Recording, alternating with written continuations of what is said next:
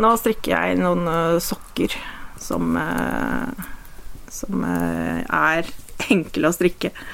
Så jeg ikke trenger å tenke så mye på. Fordi jeg er ganske sliten etter å ha vært i Høyesterett. Sofaen til Gry Helen Nygaard er full av garn, strikkepinner og sysaker. Og rundt henne ligger hauger med kofter, votter, gensere og sokker. Og så, og så driver jeg og lager noe. Skal vi se, her er vel en, en sånn Fana-jakke til dukke. Her er Marius. Så langt har ikke Gry kunnet gi de ferdige strikkeplaggene til de som skulle fått dem. De siste fire årene har hun ikke fått ha kontakt med venner og familie. For de er i Jehovas vitner. Hun er ekskludert. Jeg, nei, jeg øh, Jeg unner ikke min verste fiende å forestille seg det engang. Og snart kommer dommen fra Høyesterett som skal avgjøre om de hadde rett til å stenge henne ute. I dag er det mandag 2. mai. Jeg heter Marte Spurkland, og du hører på Forklart.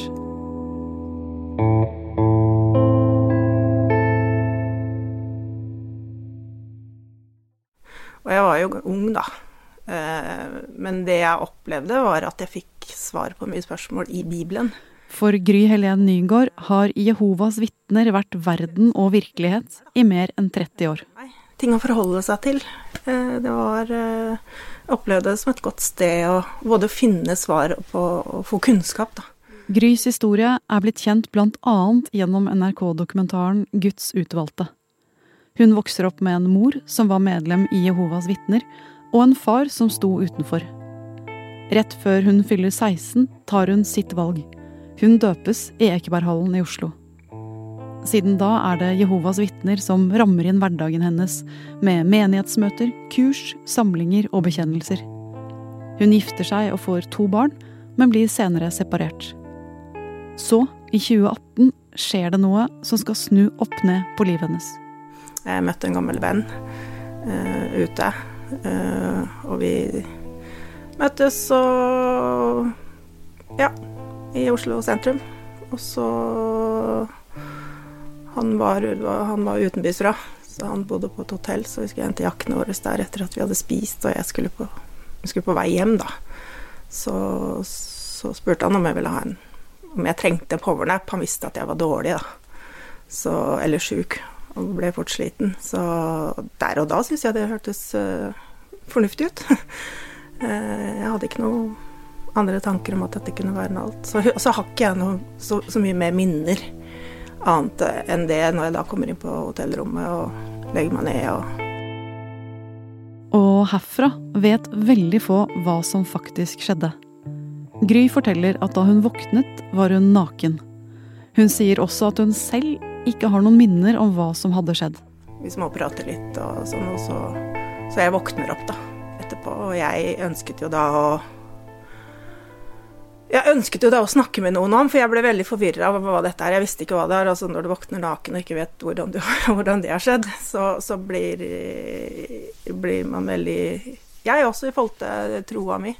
Hvordan, jeg visste ikke hvordan jeg skulle håndtere det. For å få hjelp tok Gry kontakt med de eldste i menigheten sin. Og disse eldste beskriver Jehovas vitner selv som åndelig modne menn som tar ledelsen og gir veiledning og hjelper menigheten å holde seg nær Jehova. Med andre ord, dette er de åndelige lederne i menigheten. Nei, jeg møtte de jo med en veldig høy grad av tillit, fordi jeg trodde de skulle hjelpe meg. Jeg trodde de skulle hjelpe meg å sortere ut på en måte hva som var hva, da. Altså, og ikke og sånt noe. Jeg, jeg, jeg, møtte jo ikke de for å på en måte skrifte om for noe. Jeg, jeg, møtte jo de for å på en måte få hjelp til å, å, å, forstå hva det var som hadde skjedd, eller sette ting da i det rette perspektivet. Sånn at jeg eh, kunne på en måte tenke at ja, nå kan jeg legge det i en skuff, eller eventuelt da hvordan jeg skulle håndtere en sånn situasjon. Etter Grys møte med de eldste nedsatte menigheten hennes et domsutvalg som skulle vurdere saken. Og det er nå du trenger å vite dette. Også Jehovas vitner slår ned på seksuelle overgrep. Dersom du blir voldtatt, er du ikke skyldig i sex utenfor ekteskapet, og da blir du heller ikke ekskludert.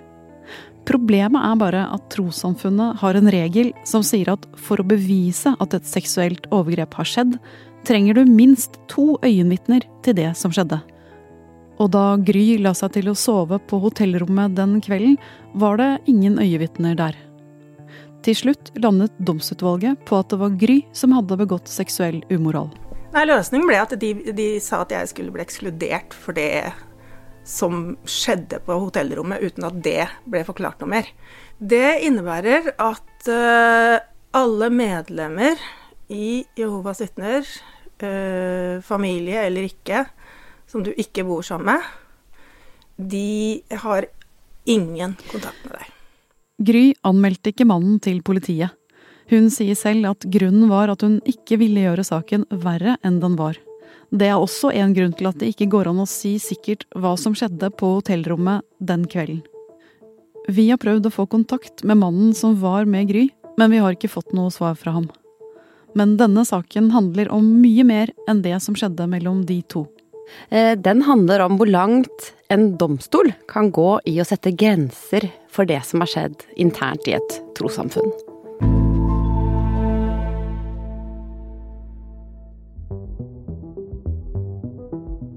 Selv om Gry aldri anmeldte det hun i dag ser på som et seksuelt overgrep, har hun tilbrakt mye tid i rettssaler de siste årene. Saken som nå har nådd Høyesterett, handler om eksklusjonen fra trossamfunnet. Hadde Jehovas vitner rett til å stenge henne ute, eller hadde de ikke? Vibeke Blaker Strand, du er professor i rettsvitenskap ved Universitetet i Oslo. Hvis du skal oppsummere, hva er det som har skjedd i denne saken? Eh, det som har skjedd, er at eh, Gry Helen Nygaard har blitt eh, ekskludert fra trossamfunnet, basert i trossamfunnets interne retningslinjer.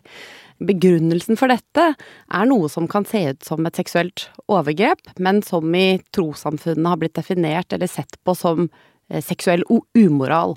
Eh, og så har dette gått gjennom en intern prosess i Jehovas vitner som har resultert i at hun er blitt ekskludert. Hvordan har domstolene i tidligere runder behandlet denne saken?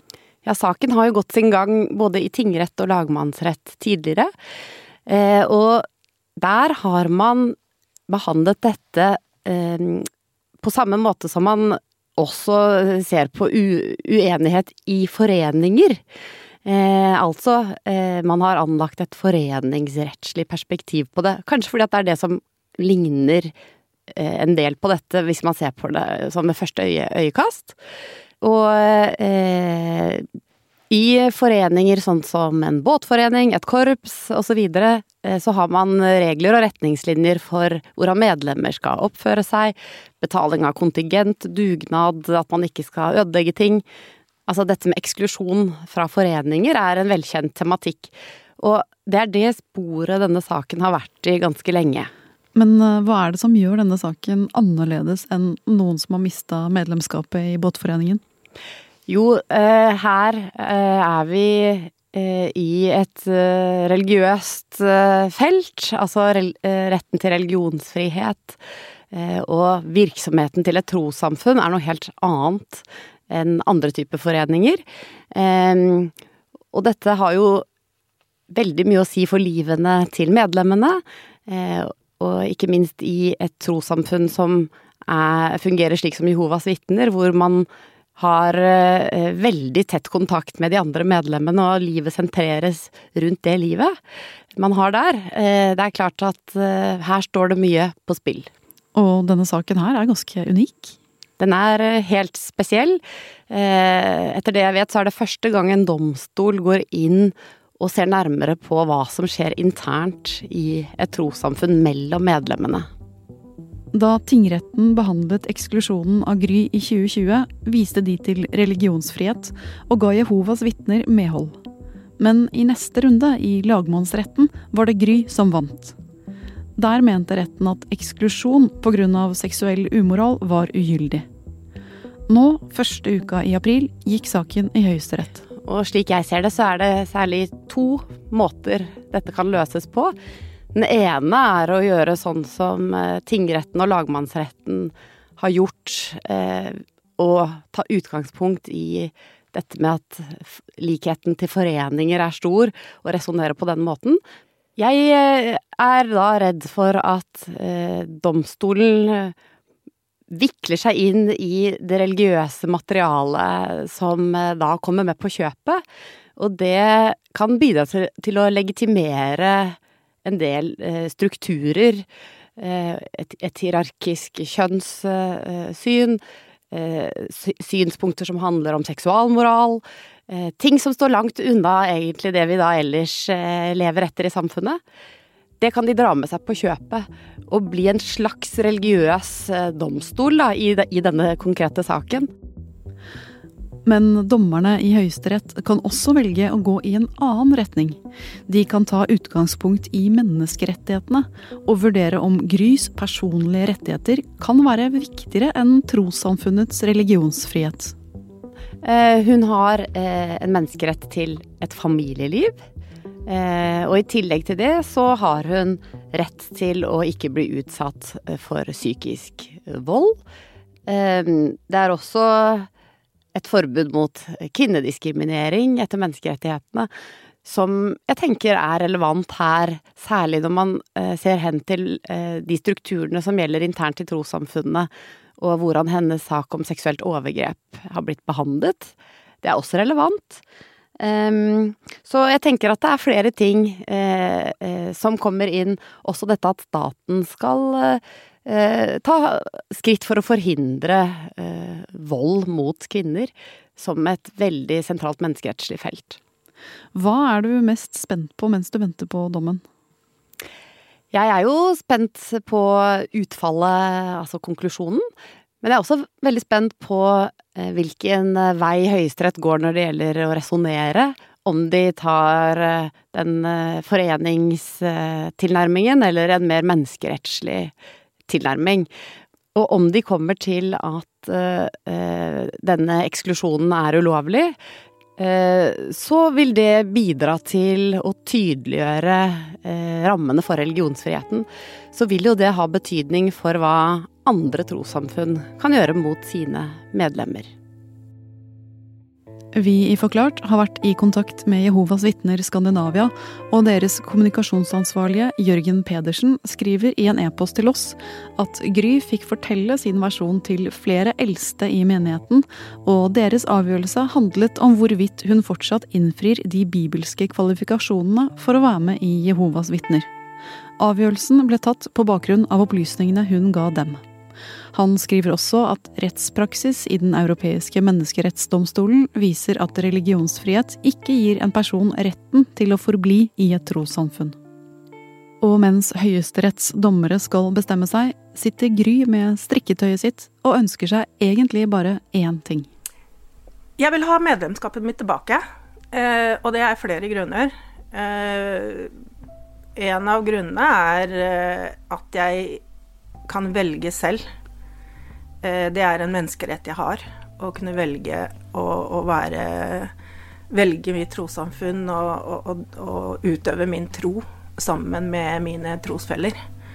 Eh, og det er et valg jeg ønsker å ta selv, om jeg vil være medlem der eller ikke. Eh, og, og i det valget, hvis jeg velger da å melde meg ut, så kan jeg jo heller ikke klage på at jeg ikke snakker med barna mine. det kan jeg ikke, for da har jeg valgt det selv.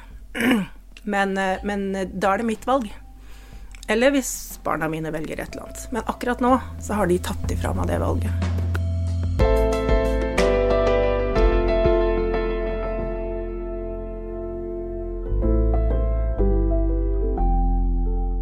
Det var Gry Helen Nygård som fortalte om å bli ekskludert fra Jehovas vitner, og Vibeke Blaker Strand som snakket om de juridiske spørsmålene.